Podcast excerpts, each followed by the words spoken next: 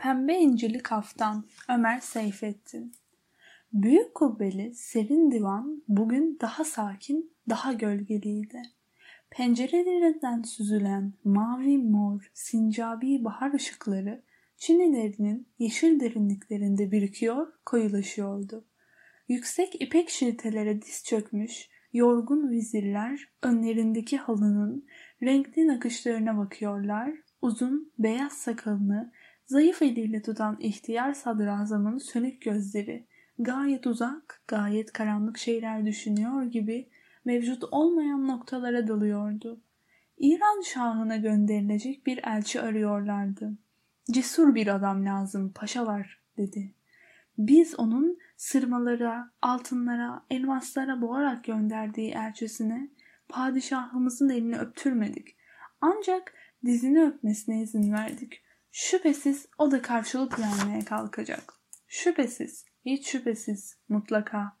Kubbealtı vezirlerinin tamamıyla kendi fikrinde olduğunu anlayan sadrazam düşündüğünü daha açık söyledi. O halde bizden elçi gidecek adamın çok cesur olması lazım. Öyle ki ölümden korkmasın, devletin şanına dokunacak hareketlere boyun eğmesin. Evet, hay hay, çok doğru. Sadrazam sakalından çektiği elini dizine dayadı. Doğruldu, başını kaldırdı, parlak tüyleri ürperen vezirlere ayrı ayrı baktı. Hadi öyleyse, bir cesur adam bulun dedi. Saraydan, Enderun'dan, divandan benim aklıma böyle gözü pek bir adam gelmiyor. Siz düşünün bakalım. İşte divanda bu kurnaz, bu zalim, gaddar şaha gönderilecek uygun bir elçi bulunamıyordu. Çünkü kendini Osmanlı Hakanı ile bir tutan, hatta bütün doğuda cihangirliğini kuran bu serseri karşısında devleti temsil edecek adam çok cesur olmalıydı. Şah, elçiye ve padişaha hakaret etmeyi deneyecek, karşılık verecek olanı ihtimal kaza vuracak, derisini yüzecek, akla gelmedik kaba bir vahşetle öldürecekti. Sadrazamın sığındaki deminden beri bir mezar taşı gibi sessiz duran kavuk, yerinden oynadığı yavaş yavaş sola döndü. Ben tam bu elçiye uygun bir adam biliyorum dedi. Babası benim yoldaşımdı ama devlet memuriyetini kabul etmez. Kim? Muhsin Çelebi. Sadrazam bu adamı tanımıyordu. Sordu. Burada mı oturuyor? Evet. Ne iş yapar? Biraz zengindir. Vaktini okumakla geçirir. Tanımazsınız efendim. Hiç büyüklerle dostluk etmez, gelecek beklemez. Niçin? Bilmem ama belki borçlu kalmak istemez. Tuhaf. Fakat çok cesurdur. Doğrudan ayrılmaz, ölümden çekinmez. Birçok defa gaza etmiştir. Yüzünde kılıç yaraları vardır. Bize elçi olmaz mı? Bilmem. Bir kere kendisini görsek, bilmem çağırınca ayağımıza gelir mi? Nasıl gelmez? Gelmez işte. Dünyaya minneti yoktur. Şahla dilenci gözünde birdir. Devletini sevmez mi? Sever sanırım. O halde biz de kendimiz için değil, devletine hizmet için çağırırız. Tecrübe buyurun efendim. Sadrazam o akşam yetkili birine Muhsin Çelebi'nin Üsküdar'daki evine gönderdi. Devlete minnete dair bir konu için kendisiyle konuşacağını, yarın mutlaka tereddüt etmeyip gelmesini yazıyordu. Sabah namazından sonra sarayının selamlığında Hint kumaşından ağır perdeli, küçük, loş bir odada katibin bıraktığı kağıtları okurken sadrazama Muhsin Çelebi'nin geldiğini haber verdiler. Getirin buraya, dedi. İki dakika geçmeden odanın sedef kakmalı ceviz kapısından pala bıyıklı, iri, levent, şen bir adam girdi. İnce siyah kaşlarının altında iri gözler parlıyordu. Belindeki silahlık boştu. Bütün kullanlarının dal kavuğuna, secdesine alışan sadrazam bir an eteğine kapanılmasını bekledi. Oturduğu mor çuha kaplı sedilin daima öpülen ağır sırma saçağındaki yumağı altından içi boş küçük bir kafa gibi şaşkın duruyordu. Böyle göğsü ileride, kabarık, başı yukarı kalkık bir adamı ömründe ilk defa görüyordu. Kubbe vezirleri bile huzurunda iki büklüm dururlardı. Muhsin Çelebi gayet doğal bir sesle sordu. Beni istemişsiniz. Ne söyleyeceksiniz efendim? Şey, buyurun efendim. Buyur oğlum şöyle otur da. Muhsin Çelebi çekinmeden, sıkılmadan, ezilip büzülmeden gayet doğal bir hareketle kendini gösterilen şilteye oturdu. Sadrazam hala elinde tuttuğu kıvrık kağıtlara bakarak içinden ne biçim adam acaba dili mi diyordu. Halbuki hayır bu Çelebi gayet akıllı bir insandı. Merde, namerde, muhtaç olmayacak kadar bir serveti vardı. Çamlıca ormanın arkasındaki büyük bandırayla büyük çiftliği işletir, namusuyla yaşar, kimseye eyvallah etmezdi. Fukaraya, zayıflara, gariplere bakar, sofrasından hiç misafir eksik olmazdı. Dindardı ama bağnaz değildi. Din, minnet, padişah aşkını kalbinde duyanlardandı. Devletinin büyüklüğüne, kutsallığına inananlardandı. Tüm ülküsü Allah'tan başka kimseye secde etmemek, kula kul olmamaktı. İlmim, kemali herkesce bilinirdi. İbni Kemali ondan bahsederken beni okutur derdi. Şairdi lakin ömründe daha bir kaside yazmamıştı. Hatta böyle övgüleri okumazdı bile. Yaşı kırkı geçiyordu. Önünde açılan yükselme yollarından daha hiçbirine sapmamıştı. Bu altın kaldırımlı binbir çiçekli, cennete andıran ışıklı yolların sonunda daima kirli bir boşluk duygusu bulunduğunu bilirdi. İnsanlık onun gözünde çok yüksek, çok büyüktü. İnsan dünya üzerinde Allah'ın bir halefiydi. Allah insana kendi ahlakını vermek istemişti. Muhsin Çelebi her türlü aşağılanmayı hazmederek gelecek tepelerine iki büklüm tırmanan maskara çıkarıcılarından izzet nefissiz kölelerden nefret ederdi. Hatta bunları görmemek için insanlardan kaçan biri olmuştu. Yalnız savaş zamanları Kuraba bölüklerine komandanlık için meydana çıkardı. Huzurda serbest, doğal oturuşu sadrazamı çok şaşırttı. Ama kızdırmadı. Tebriz'e bir elçi göndermek istiyoruz. Tarafımızdan sen gider misin oğlum? Der mi? Evet. Ne münasebet? Aradığımız bir adam bulamıyoruz da. Ben şimdiye kadar devlet memurlarına girmedim. Niçin girmedin? Muhsin Çelebi biraz durdu, yutkundu, gülümsedi. Çünkü ben boyun eğmem. Ben etek öpmem dedi. Halbuki zamanın devletleri mevkilerine hep boyun eğip, el etek hatta ayak öpüp bin türlü yaltaklanmayla iki yüzlülük, dal kavuklulukla çıktıklarından etraflarını daima hep bu alçak mazilerinin çirkin hareketlerini tekrarlayanları toplarlar. Mert, doğru, onur sahibi, hür, vicdanın sesine kulak veren bir adam gördüler mi hemen düşman olur, kötülüğe çalışırlar. Gedik Ahmet Paşa niçin hançerlendi paşam? Sadrazam yavaşça dişlerini sıktı. Gözlerini süzdü, tuttuğu kağıdı buluşturdu. Hiddetlenemiyordu ama hiddetlendiği zamanlarda olduğu gibi yanaklarına bir titreme geldi. Vezirken değil, hatta daha beyler beyiyken bile karşısında akranlarından kimse böyle dümdüz söz söylememişti. Tekrar acaba deli mi diye düşündü. Deli değilse bu ne küstahlık? Bu derece küstahlık devlete karşı değil midir? Gözlerini daha beter süzdü. İçinden şunun başına vurdursam dedi. Kapıcılara bağırmak için ağzını açacaktı. Ansızın vicdanının neresi olduğu bilinmeyen bir yerinden gelen derin sesini işitti. İşte sen de dal kavuk, iki yüzlü, yaltaklanma yollarından yükselenler gibi serbest düz bir sözü çekemiyorsun. Sen de karşında mert bir insan değil, ayaklarını yalayan bir köpek, alçaklık altında iki kat olmuş bir maskara, bir rezil istiyorsun. Süzük gözlerini açtı. Avcunda sıktığı kağıdı yanına koydu. Tekrar Muhsin Çelebi'ye baktı. Ortasında geniş bir kılıç, yarısının izi parlayan yüksek alnı, biraz büyüyecek eğri burnu, ince, sarı, tıpkı Şehname sayfalarında görülen eski kahramanların resimlerine benziyordu.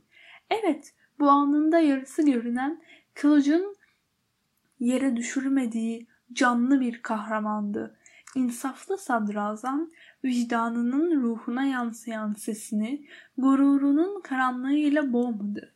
Tam bizim aradığımız adam işte dedi. Bu kadar gözü pek bir adam devletine, milletine yapılacak hakareti de çekemez, ölümünden korkarak göreceği hakaretlere eyvallah diyemezdi. Kavuğunu hafifçe salladı. Seni Tebriz'e elçi göndereceğiz. Muhsin Çelebi sordu. Katınızda bu kadar nişancı, katip, hoca var. Niçin onlardan seçmiyorsunuz? Sen Şah İsmail denen kişinin kim olduğunu biliyor musun? Bilmiyorum. Devletini seviyor musun? Seviyorum. Hakim sadrazam doğruldu. Arkasına dayandı. Pekala öyleyse dedi. Bu kişi elçiye zeval yok kuralını kabul etmez. Bizimle rekabet davasındadır. Er meydanında hakkımızda yapmadıklarını bizim gönderdiğimiz elçiye yapmak ister. İhtimal işkenceyle idam eder. Çünkü Allah'tan korkusu yoktur. Halbuki elçimize yapılacak hakaret devletimize yapılmış demektir. Biz öyle bir adam lazım ki hakaret görünce başından korkmasın, bu hakareti aynıyla o fesatçıya iade etsin. Devletini seversen sen bu fedakarlığı kabul edeceksin. Muhsin Çelebi hiç düşünmedi. Ettim efendim fakat bir şartla dedi. Ne gibi? Madem ki bu bir fedakarlıktır, fedakarlık ücretle olmaz, karşılıksız olur. Devlete karşı ücretle yapılacak bir fedakarlık ne olursa olsun gerçekte şahsi bir kazançtan başka bir şey değildir. Bir maaş, makam, ücret falan istemem. Karşılıksız olarak bu hizmeti görürüm, şartım budur. Fakat oğlum bu nasıl olur? Onun elçisi gayet süslü giyinmişti. Elçimizin atları, hademeleri, giysiyi daha gösterişli, daha süslü olmalı. Bunlar için mutlaka hazineden sana birkaç bin altın vereceğiz. Muhsin Çelebi döndü, önüne baktı, sonra başını salladı. Hayır dedi. Hazineden bir pul almam. Gerekli atları, süslü hademeleri kendi paramla alacağım. Hatta sadrazam gözlerini açtı. Hatta sırtıma Şah İsmail'in ömründe görmediği pahalı bir şey giyeceğim. Ne giyeceksin? Sırmakeş Toroğlu'ndaki kumaşı Hint'ten, incileri Venedik'ten gelme pembe incili kaftan alacağım. Ne? O parayı nereden bulacaksın oğlum? Sadrazamın şaşmaya hakkı vardı. Bir ay önce tamamlanan üzeri seçkin pembe incilerle işlemeli bu kaftanın ünü İstanbul'da duymayan yoktu. Vezirler, elçiler, padişaha hediye etmek için Toroğlu'na müracaat ettikçe o fiyatı arttırıyordu. Muhsin Çelebi bu meşhur kaftanı nasıl alacağını anlattı. Çiftliğimle mandıramı evime rehin vereceğim. Tüccarlardan 10 bin altın borç toplayacağım. 2 bin altın atlarla hademeleri sarf edeceğim. Geriye kalan 8 bin altınla da bu kaftanı alacağım. Sadrazam bu hareketi uygun bulmadı. Geldikten sonra bu kaftan senin işine yaramaz. Yalnız bir gösteriş giysisidir. Mallarını elinden çıkaracaksın. Fakir düşeceksin. Hayır. 8 bin altın alacağım kaftanı 6 ay sonra Toroğlu benden 7 bin altına geri alır. 7 bin altınla ben çiftliğimi rehinden kurtarırım. Geri kalan borçlarımı ödeyemezsem varsın babamın miras bıraktığı mandıram devlete feda olsun. Devletten hep alınmaz ya biraz da verilir. Muhsin Çelebi ile konuştukça sadrazamın hayreti büyüyordu. Kalbi rahatladı. İşte küstah türedi bir hükümdara haddini bildirmek için gönderilecek tam bir adam bulmuştu. Gülüyor, ağır kavuğunu sallıyordu. Divanın nazik, korkak, hesapçı çelebileri canlarıyla mallarını çok severlerdi. Bunlardan bir elçi gönderilirse devleti hakkında uygun görülen her hakareti kabul ederdi. Başarılı olamazdı. Giderken onu ta sofaya kadar uğurladı. Altı ay içinde Muhsin Çelebi büyük çiftliğini, mandırasını, evini, dükkanlarını, bahçesini, bostanını rehine koydu. tüccarlardan para topladı. Atlarını, hademelerini ayarladı. Bunların hepsi gerçekten benzeri görülmedik derecede gösterişliydi. Dönüşte 7 bin liraya geri vermek şartıyla Toroğlu'ndan meşhur pembe inciri kaftanı da aldı. Genç karısıyla iki küçük çocuğunu akrabasından birinin evine bıraktı. Altı ay nafakalarını eline verdi. Sonra padişahının mektubunu koynuna koyarak yola çıktı. Konak konak ilerledikçe bu yeni elçinin hele incili kaftanın şöhreti bütün Anadolu'dan geçerek Şah İsmail'in diyarına taşıyordu.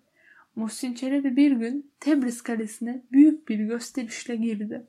Bu küçük başkentin süse, ziynete düşkün halkı İstanbul elçisinin kaftanını görünce şaşırdı. Şehir, saray, bütün encümenler kaftanın hikayesiyle doldu. Şah İsmail pembe inciyi yalnız masallarda işitmiş, daha nasıl bir şey olduğunu görmemişti. Bu gösterişle saraya gelen elçiye derin bir kin duydu. Onu hakareti altında ezmeye karar verdi. Huzuruna kabul etmeden önce tahtının arkasına cellatlarını hazırlattı. Tahtının önündeki değerli şilteleri, ipek seccadeleri kaldırttı. Sağında vezirler, solunda savaşçılar duruyordu. Muhsin Çelebi geniş sofadaki kemerli açık kapıdan serbest adımlarla girdi. Yürüdü, başı her vakitki gibi yukarıda, göğsü her vakitki gibi ilerideydi. Koynundan çıkardığı padişah mektubunu öptü, başına koydu. Sonra altın tahtın üstüne allı, yeşilli, mavili, morlu ipek yığınlarına sarılmış, sırmalarla, tuğralarla, sancaklarla bağlanmış gibi garip bir yırtıcı kuş sessizliğiyle tüneyen şaha uzattı. Ayağı öpülmeyen şah kızgınlığından sapsarı kesildi. Gözlerinin beyazları kayboldu. Mektubu aldı. Muhsin Çelebi tahtın önünden çekilince şöyle bir etrafına baktım. Oturacak bir şey yoktu. Gülümsedi içinden. Beni mecburen ayakta hürmet vaziyette tutmak istiyor galiba dedi. Bir an düşündü. Bu harekete nasıl karşılık vermeliydi? Hemen sırtından pembe incili kaftanı çıkardı, tahtın önüne serdi. Şah İsmail vezirleri, kumandanları aptallaşmışlar. Hayretle bakıyorlardı. Sonra bu değerli kaftanın üzerine bağdaş kurdu.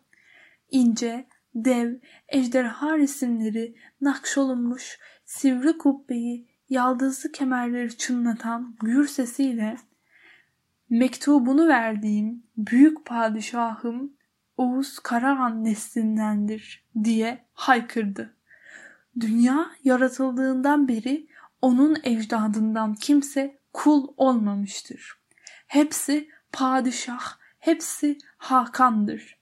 Ecdadı yaratılıştan itibaren hükümdar olan padişahın elçisi hiçbir ecnebi padişah karşısında divan durmaz. Çünkü Türk padişahı kadar dünyada asil bir padişah yoktur. Çünkü Muhsin Çelebi Türkçe nutkunu bağırdıkça Farsçadan başka dil bilmeyen şah kızarıyor, sararıyor, morarıyor. Elinde heyecandan açamadığı mektup tir tir titriyordu. Tahtının arkasındaki cellatlar kılıçlarını çekmişlerdi. Muhsin Çelebi bağırdı, çağırdı. Vizirler, cellatlar, savaşçılar hükümdarlarının sabrına şaşıyorlardı. Muhsin Çelebi sözünü bitirince izin filan istemedi. Kalktı, kapıya doğru yürüdü. Şah İsmail taş kesilmişti. Çaldıranda kırılacak gururu bugün bu tek Türk'ün ateş bakışları altında erimişti. Muhsin Çelebi dışarı çıkarken kendi gibi hayretten donan arkadaşlarına şunun kaftanını veriniz dedi. Savaşçılardan biri koştu, tahtın önüne serili kaftanı topladı, Türk elçisine yetişti. Buyurun kaftanınızı unutuyorsunuz. Muhsin Çelebi durdu, güldü, çıktığı kapıya dönerek şahın işteceği yüksek bir sesle ''Hayır, unutmuyorum. Onu size bırakıyorum. Sarayınızda büyük bir padişah elçisine oturtacak seccadeniz, şilteniz yok. Hem bir Türk yere serdiği şeyi bir daha sırtına koymaz. Bunu bilmiyor musunuz? dedi. Geçtiği yollardan gece gündüz dört nala döndü. Üsküdar'a girdiği zaman Muhsin Çelebi'nin cebinde tek bir akçe kalmamıştı. Süslü hademelerine dedi ki, evlatlarım, bindiğiniz atları, takımları, üstünüzdeki giysileri, belinizdeki süslü hançerleri size bağışlıyorum. Bana hakkınızı helal ediyor musunuz? Ediyoruz, ediyoruz. Ananızın ak sütü gibi cevabını alınca onları başından savdı. Geniş bir nefes aldı. Evine uğramadan deniz kıyısına koştu. Bir kayığa atladı, sadrazamın konağına gitti. Mektubu şaha verdiğini, hiçbir hakarete uğramadığını, şahın iznini istemeden habersiz kalkıp İstanbul'a döndüğünü söyledi. Zaten sadrazam onun vazifesini hakkıyla yerine getireceğine emindi. Yollara, derebeylerine, aşiretlere dair bazı şeyler sordu. Çelebi kalkıp çekileceği zaman ben satın almak istiyorum oğlum kaftanın burada mı dedi. Hayır getirmedin. İran'da mı sattın? Hayır satmadım. Çaldırdın mı? Hayır. Ya ne yaptın? Hiç. Sadrazam ısrar etti. Tekrar sordu. Kaftanın ne olduğunu bir türlü anlayamıyordu. Muhsin Çelebi yaptığıyla övünecek kadar küçük ruhlu değildi. O akşam Üsküdar'a döndü. Ertesi gün 7000 altına geri almak için kendisini bulan Sırmakeş Toroğlu'na da kaftanın ne yaptığını söylemedi. Meraklı İstanbul'da hiç kimse meşhur pembe inciri kaftanın nerede, nasıl, niçin bırakıldığını öğrenemedi. Tebriz Sarayı'ndaki macera tarihin karanlığına karıştı, sır oldu.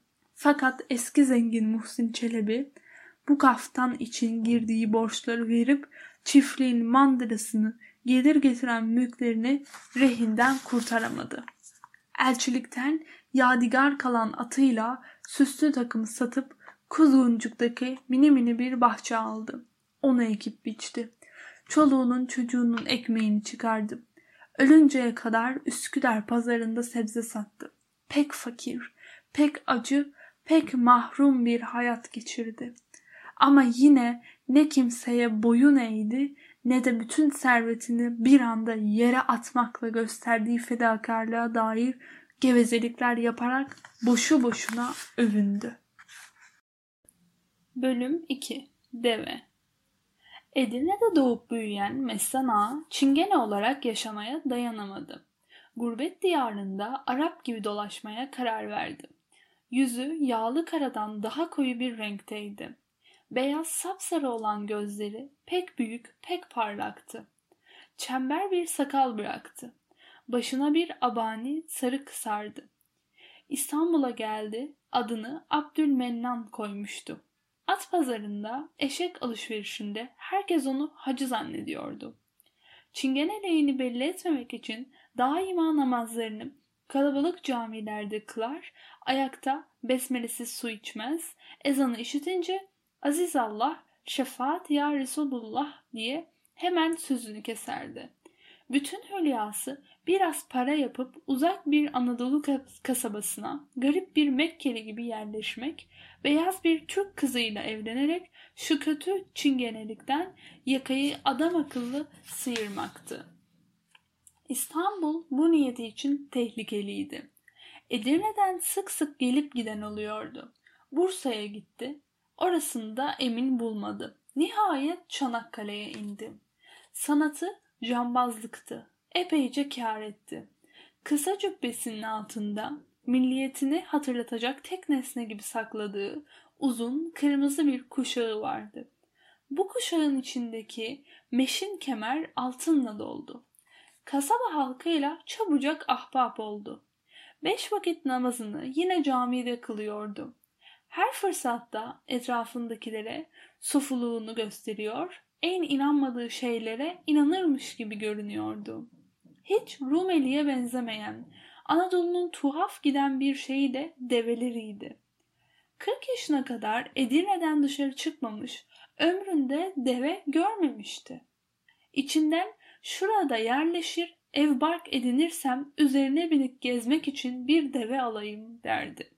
Dar sokaklardan önlerinde bir eşek iki tarafa adım adım baygın baygın bakarken geçen bu mübarek hayvanlar çok hoşuna gidiyordu. Bir gün camide vaazı dinler gibi yapıp kendi işlerine dair derin bir dalga geçerken birdenbire deve ismini işitti.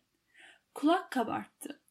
Yüksek kürsünün üstünde göze görünmez bir adamla kavga ediyormuş gibi çırpınan, ağzı köpürerek önündeki kara kaplı kitaba yumruk indiren hoca bu hayvanın kutsallığından, tekinsizliğinden bahsediyordu. Ağlar, o cennet mahlukudur. Az yer çok taşır. Hazreti Ali Efendimizin tabutunu alıp götürdü. Nereye? Allah bilir. Ne kadar vurulsa zararı yoktur. Ama sakın ola üstüne binmemeli. Ha meleklere binmişsin, ha deveye. Deveye yalnız Kabe'ye giderken binmek uygundur. Kabe yolunun dışında deveye binen Allah korusun hemen çarpılır. Eti kemiği birbirine karışır. Hoca kumanda verilmiş gibi hep birden ağızlarını açmış dinleyen cemaate uzun uzadıya devenin yağını, yününü, gübresini övüyordu. Kurnaz Mestan içinden ben dolma yutmam, Kabe'ye giderken binilsin de başka yere giderken neden binilmesin? Hoca atıyor dedi. Cemaat vaazdan dağılınca o da yattığı hana doğru yürüdü. Hava çok sıcak değildi. Hana gitmedi. Kasabanın dışına çıktı. Ekinleri yetişmiş tarlaların arasında yürümeye başladı. Bir gün çadırsızlıktan, yersizlikten, yurtsuzluktan kurtulacaktı. İleride itibarlı bir adam gibi bu kasabada geçireceği rahat, şerefli hayatı düşüne düşüne giderken birdenbire bir tarlanın kenarında mini mini sarı bir dağ göründü. Durdu, baktı. Gülümsedi. Bu genç bir deveydi. Semeri yoktu. Çok tüylü, kamburu ortadaydı. Sürmeli gözleriyle şaşkın şaşkın bakınıyordu. Mestan deveyi bu kadar yakından görmemişti. Yürüdü, daha çok yaklaştı. Eliyle kamburunu okşamaya başladı. Pamuk gibi yumuşaktı. Hiç ürkmüyordu. Öyle hareketsiz duruyordu. Mestan parmaklarını tarak gibi bu güzel kamburun ilk tüylerine daldırdı. Sıcaktı. Birdenbire içine garip bir arzu doğdu. Buraya çıkıp oturmak. Aklına yarım saat önce vaazda hocanın söyledikleri geldi. Yüzünü buruşturdu. Düşündü. İçinden kendi kendine sordu. Şuracağa binsem ne olur sanki? Bineyim be. Ya hocanın dediği? Haydi budala. O Türkleri kandırıyor. Hep yaya yürüsünler diye. Yağlı kara ensesini taşıdı. Dünyada hiçbir şeye inanmaz, inanır gibi göründüğü şeylere hep gülerdi. Attan, eşekten farkı olmayan bir hayvana binince insan nasıl çarpılabilirdi? Çarpılmak neydi? Hem şimdiye kadar kim çarpılmıştı? Ömründe hiçbir çarpık adam gördüğünü hatırlamıyordu. Alay ederek ya destur diye bir besmele çekti. Yatmış devenin sırtına sıçradı. Yumuşak kamburun üstüne yerleşirken bu sakin yığın canlını verdi. Ayağa kalktı. Mestan düşmemek için sık tüylerle bütün kuvvetiyle sarıldı. Aşağısını yüksek bir minarenin tepesindeymiş gibi derin gördü. Deve ayaklarını açtı. Bir silkindi. Bir daha silkindi. Üstündeki ağırlığı düşüremeyince koşmaya başladı. Mestan'ın korkudan ödü kopmuştu. Avazı çıktığı kadar bağırıyordu. Onun bağırmasından iyice huylanan deve demin kenarında yattığı buğday tarlasını dört dönüyor. Başakları dümdüz ediyordu. Yarım saattir bir top ağacının altında uyuyan çiftçiler Mestan'ın acı feryatlarıyla uyandılar. Ellerinde bir orak sapı kudurmuş gibi sıçramaya başlayan deveye koştular. Önlediler, güç bela durdu, durdurdular. Mestan Allah sizden razı olsun. Düşeydim parça parça olacaktım. Beni indiriverin dedi. İn hınzır fellah. O bozulan tarlanın sahipleri bu üç çiftçiydim. Hepsinin gözleri dönmüştü. Mestan'ı ayağından çektiler. Ne hakla devene bizim tarlamızı çiğnetiyorsun uğursuz Arap diye gebertinceye kadar dövdüler. Mestan inip kalkan tekmelerin tokatların orak saplarının altında tek bir kelime bile söyleyemedi.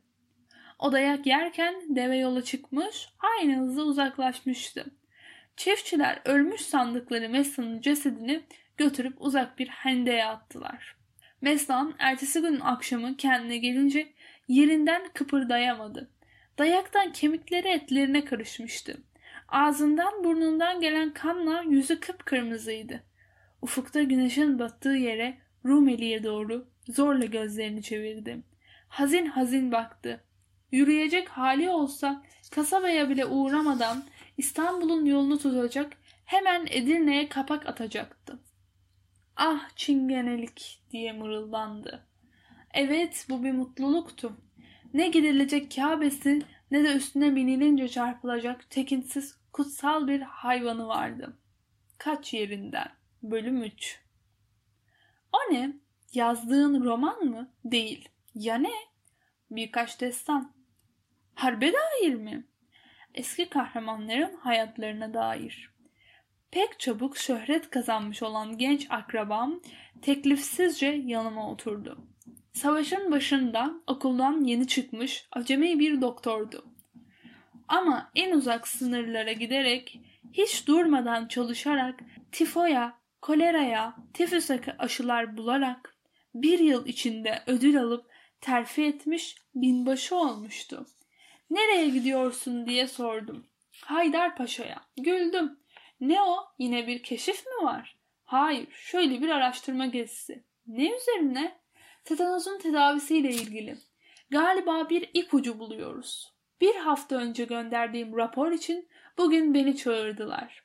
Açıklama isteyecekler sanıyorum. Lafını bitirmeden döndü. Elimde kapalı duran defteri aldı. Okuyalım şu destanları diye açtı. Bu nasıl yazı? Kargacık burgacık. Ver ben okuyayım sen dinle. Hadi bakalım. Defterimi aldım. En beğendiğim hikayeyi açtım. Yavaşça okumaya başladım. Bu yerde bulduğu kırık bir kalkanla zırhlı iki düşman süvarisine esirken hücum eder ederek kafalarını kesen ihtiyar sipahinin hikayesiydi. Genç doktora bu kahramanın yiğitliklerini iyice duyurabilmek için sesime ahenk vererek okuyor, önemli yerlerde duruyordum. Rüzgar biraz fazla olduğu için güverte ıssızdı.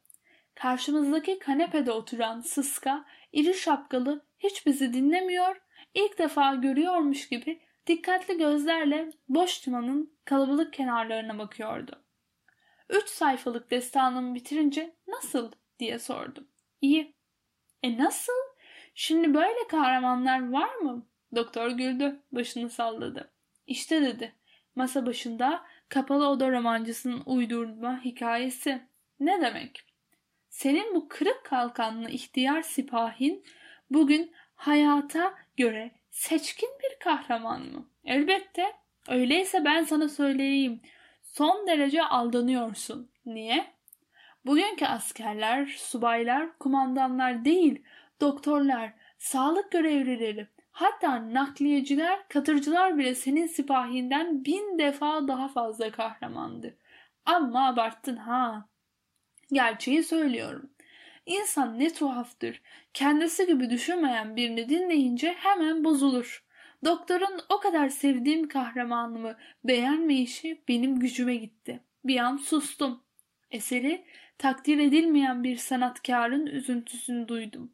Bu elem biraz yas tutmaya benzer, sevgili evladının kıymetsizliğini, aşağılandığını, öldürüldüğünü gören zavallı bir babacığın yas tutmasına. Evet, doktorun sanattan, hikaye tekniğinden haberi yoktu. Bilmiyordu ki sanatkar güncel konularla düşüncesini olağanca heyecanıyla duyuramayınca romantik geçmişe döner.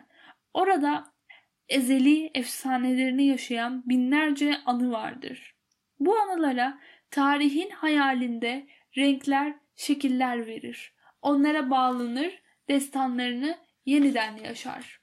Dostum, sen çok gençsin. Geçmişteki güzellikleri göremezsin. Sen de hayal adamısın. Gerçekleri göremezsin. Geçmişte ne var? Geçmişte bugünkü uygarlığın söndürdüğü nurlar var dedim. Yücelik var. Ruh temizliği var. Fikir uğrunda fedakarlık var. Doğruluk, sadakat, vefa, fazilet, kerem, şefkat, muhabbet, aşk var. Hayatın gerçek manası olan idealler var. Sonra inanç var. Ah şimdi. Şimdi bunlar yok mu? Yok yok diye inledim. Doktor güldü. Bana acır gibi baktı. Ne kötü ne yanlış inanış. Vapur Kız Kulesi açıklarından geçiyor. Poyraz solumuzdan çarpıyor. Elimdeki defterin yapraklarını açarak kahramanımı beğenmeyen genç doktora sanki bir cevap vermek istiyordu. Tekrar sordum. Söyle bana günümüzde geçmişteki coşku var mı? Olmaz olur mu? Fazlası var. Ben görmüyorum. Çünkü aklın geçmişte. Gerçekleri gözün görmez. Geçmişteki kanı bugün nasıl otomobil şeklindeyse sorduğun coşku da ateş şeklindedir. Geçmişteki ok bugün mitralyözdür. Geçmişteki kulübe bugün gösterişli bir anıttır. Geçmişteki sal bugün gemidir. Geçmişteki masalcının bir kutuya binip memleketten memlekete uçma hayali bugün gerçektir. Fakat manevi erdemler diye sözünü kesmek istedim. Onlar da dedi. Onlar da asırlar içinde gelişme yollarından geçerek sizin dar hayalinize sığmayacak derecede değişmiş. Makineli tüfeğin yanında ilkel tabancayı gözünün önüne getir. Geçmişin ululuğu, geçmişin erdemi, günümüzün değerleri karşısında elbet böyle çocuk oyuncağı gibi kalır. Geçmişteki fidan bugün koca bir çınar. Örneğin en önemli manevi değer aşk değil mi? Geçmişte bir kişiye, bir aileye, nihayet bir kabileye karşı duyulurdu.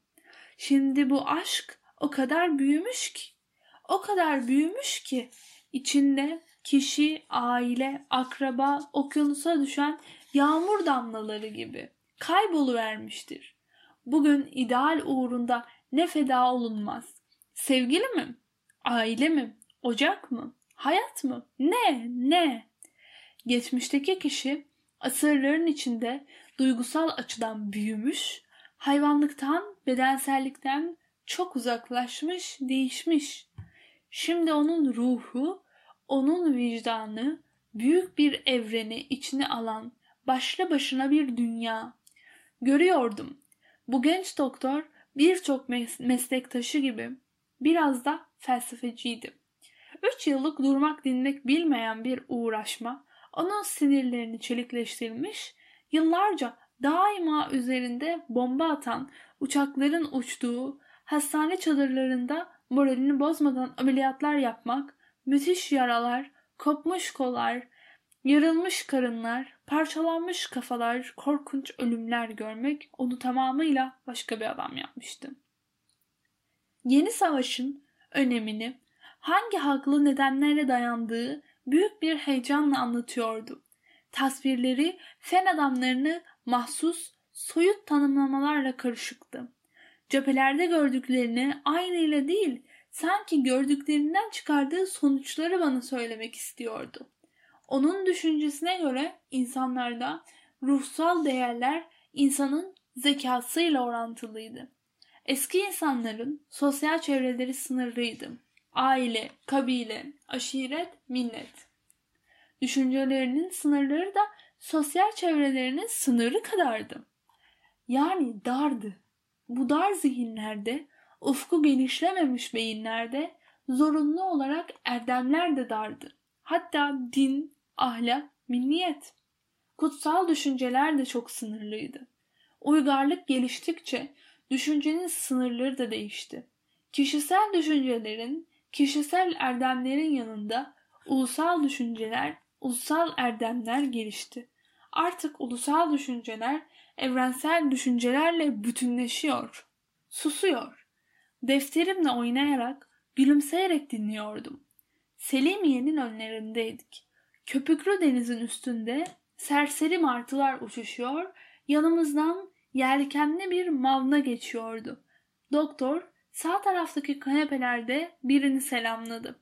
Sonra birdenbire sözlerinin konferans edasını değiştirerek bana senin destanlarındaki eski kahramanların içinde savaş meydanında yaralananlar var mı? Elbette var dedim. Yaraları kaç yerden? Savaşın şiddetine göre 3, 5 hatta bazen bazen hatta 10 yerinden. Bu çok mu? Az mı? Güldü. Şuraya bak dedi. Sol tarafındaki kanepenin ta ucunu gösteriyordu. Gördün mü o subayı? Büyük, kalpaklı, pek şık, pek genç, pek zayıf, uzun boylu, narin, kumral bir subay. Gördüm dedim. Şimdi selam verdiğin değil mi? Evet. Tuhaf bir rastlantı. Çanakkale'de, Kafkas cephesinde, Bağdat'ta, Suriye'de, Makedonya'da beni onunla karşı karşıya getirdi. Daima hastanede ameliyat masasının üstünde. Demek hep yaralanmıştı. Hem kaç yerinden tahmin et bakalım. Beş yerinden dedim. Doktor yine güldü. Hayır. Cephelerin sayısına birer sayı ekledim. On yerinden. Hayır. On beş. Hayır. On sekiz. Hayır. Yirmi. Hayır. Yirmi beş yerinden. Hayır daha çık. Tereddütle otuz dedim. Hayır daha çık. Otuz beş. Hayır. Kırk diyemedim. Bu olacak şey değildi. Şaka yapıyorsun doktor diye güldüm. Hayır kesinlikle şaka değil. Söyleyeyim mi kaç yerinden? Söyle. Tam 49 yerinden. Hayretle döndüm. Genç subaya baktım. Elindeki bastonu parlak ayakkabılarına vuruyor. İstanbul'un pek aydınlık bir sis içinde dumanlanan sisli ufuklarını seyrediyordu. Yalan. Vallahi doğru söylüyorum. Tekrar genç subaya baktım. Yüzümü çevirmeden sordum. Bu yaraların hepsini ayrı ayrı mı almış? Hayır. Hemen her savaşta 5-10 yara birden. Bir kere Bağdat'ta. 18 yarayla benim önüme getirdiler. Ayaklarından bir makineli tüfek yağmuru geçmiş. Yere uzanınca tepesinde bir şarapnel patlamıştı. Döndü. Nasıl ölmedi? O ölmez. Onda bir iman var. Başından bacaklarının arasına kadar dört parmak uzunluğunda, omuzlarının arasında, dört parmak eninde çapraz hudut çizer. Buralara isabet olmazsa ölüm yok der. Suriye'de bel kemiğine bir kurşun dokunmuştu. Ayakları tutmuyordu. Kurşunu çıkardım, sağlığı yerine geldi. Bir hafta içinde kendini topladı. Ateşe koştu öyle dostum. Öyle bir kuvvet ki anlatamam sana. Ameliyat esnasında kesinlikle kendini bayılttırmaz. Yine genç subaya baktım. Kulaklarıma inanamıyordum. Bu kadar narin, bu kadar güzel, bu kadar zayıf bir vücutta böyle kuvvetli bir ruh. Bu genç nereli? İstanbullu. Sana kısaca kim olduğunu söyleyeyim. Çok zengin bir ailenin kıymetli tek bir evladı. Savaştan önce Almanya'da okuyormuş. Ben dinlemedim ama Erenköy'de oturan bir sanatkarmış. Savaş ilanı olununca orduya koşmuş. Kemanın yayını bıraktığı eline kılıcı almış. Bütün orduda şimdi onun ününü duymayan yoktur. İstediğine sor. Adı ne? Ferhat Ali Bey. Vapur Haydarpaşa limanına giriyordu. Ben bu ismi duymadım. Resmini de gazetelerde görmedim dedim. Doktor, işte senin düşüncen dedi. Tekrar güldüm. Sen yine kahramanları, medeni yani milli kahramanları kesinlikle anlayamazsın. Onlar gazetelerde, sosyete toplantılarında görünmek istemezler. Hatta böyle reklamlardan iğrenirler. Kahramanlıklarının kendilerine değil, minnete, orduya ait olduğunu söylerler. Mesela işte bu Ferhat Ali Bey. Kesinlikle fotoğrafını çektirmez. Kafkas cephesinde bir gece görevinde baskına uğrayıp aldığı kılıç yaralarıyla benim hastaneme gelmişti. Savaş dergisine göndermek için fotoğraflarını çektirmek istedim. Reddetti. Halkın, ordunun şerefini kendime ait bir özellik gibi göstermek hırsızlıktır dedi. Ben de senin gibi önce anlamadım. Yaptığı kahramanlıkları anlattım. Askerlerin hepsi görevlerini yapıyor. Öyleyse hepsinin fotoğraflarını çıkarıp gazetede basılmalı. Evet, çok şaşırtıcı dedim. Tanınmak istemiyor.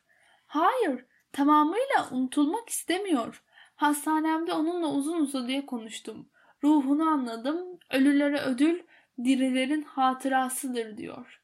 Onun düşüncesine göre bir kahraman öldükten, sonsuz hayata karıştıktan sonra anılmalı. Sağken övülmek ve ödüllendirilmek kahramanlığın değerini düşürür. Vapur yanaşıyor, yolcular ayağa kalkıyordu. Doktor, haydi Haydarpaşa'da in de çıkarken seni onunla tanıştırayım dedim. Peki. Kalbim çarpıyordu. Kalktık, o da ayaktaydı. Bastonuna dayanıyordu. Doktor önüne gitti, elini sıktı. Nasılsınız Ferhat Bey? Çok iyiyim efendim. Sizi gördüm, yanınıza gelemedim. Akrabamdan ayrılamadım. Sizi takdim ederim. Subay. Ferhat Ali Bey. Teşekkür ederim. Dedim. Sinirli elini sıktım. Doktor bu atsız kahramanla konuşmaya başladı. Ben kutsal bir vücut karşısında dinsel bir mutluluk duyan günahkar bir kişi gibi duruyor, onun iri mavi gözlerine, yüksek anına, hiç kimseye benzemeyen seçkin çehresine bakarak içimden derin bir ür- ürperme duyuyordum. Şimdi burada mısınız doktor bey? Evet, siz? Ben de galiba bir süre daha buradayım. Yürümeye başladık. Genç subay azıcık aksıyordu. Doktor sordu. Bacağınız mı uyuştu? Duralım, kalabalık çıksın. Hayır yürüyelim dedi. Uyuşmadı. Bu sefer Galicia'da gülle götürdü. Bacağınızı mı? Evet sağ bacağım. İkimiz birden taş kesildik. O gülümsüyordu ama hamdolsun korktuğuma uğramadım dedi. Evet, bu savaş zamanında emekli olup bir köşeye atılacağım, geri hizmete verileceğim diye ödüm kopuyordu. Sararan birdenbire neşesini kaybeden doktor şaşkınlıkla sordu. Fakat artık nasıl savaşa gideceksiniz? Pek rahat. Ne otomobille, ne atla, ne de yaya. Nasıl? Uçakla. Evet, dün dilekçemi kabul ettiler. Beni hava kuvvetlerine aldılar. Orada bacağa gerek yok. İnsan oturduğu yerde rahat rahat savaşır. Hem binlerce metre yukarılarda, bulutların arasında. Ne zevk, ne zevk. Doktorun, benim sesimiz çıkmıyordu. İskeleden iniyorduk. Takma ocağını henüz iyice kullan kullanamayan bu yeni, bu medeni, bu milli kahramana bakarak elimdeki eski kahramanların destanını denize fırlatmak istiyordum. Utanacak bir şeymiş gibi elimde olmadan bu önemsiz defteri bükerek cebime soktum. Bilet toplanan tahta parmaklıklardan geçtik. Garın geniş mermer merdivenlerinin önünde ellerimizi sıktı. Ayrılırken doktora hem artık dostum yaralanmaktan bıkmıştım dedi. Uçakta bu yok işte. En çok buna seviniyorum. Gar bahçesinin yanında yürüyen doktor sordu. Nasıl yeni kahramanlar? Cevap veremedim. Sonsuz gökyüzünün mavilikleri içinde sen kanatlarıyla uçan bu kahramanların asla yaralanmayacaklarını, bulutların altında bekleyen kesin ölümün onlara uzun sürecek hiçbir acı, hiçbir bedensel acı duyurmayacağını düşünüyordum.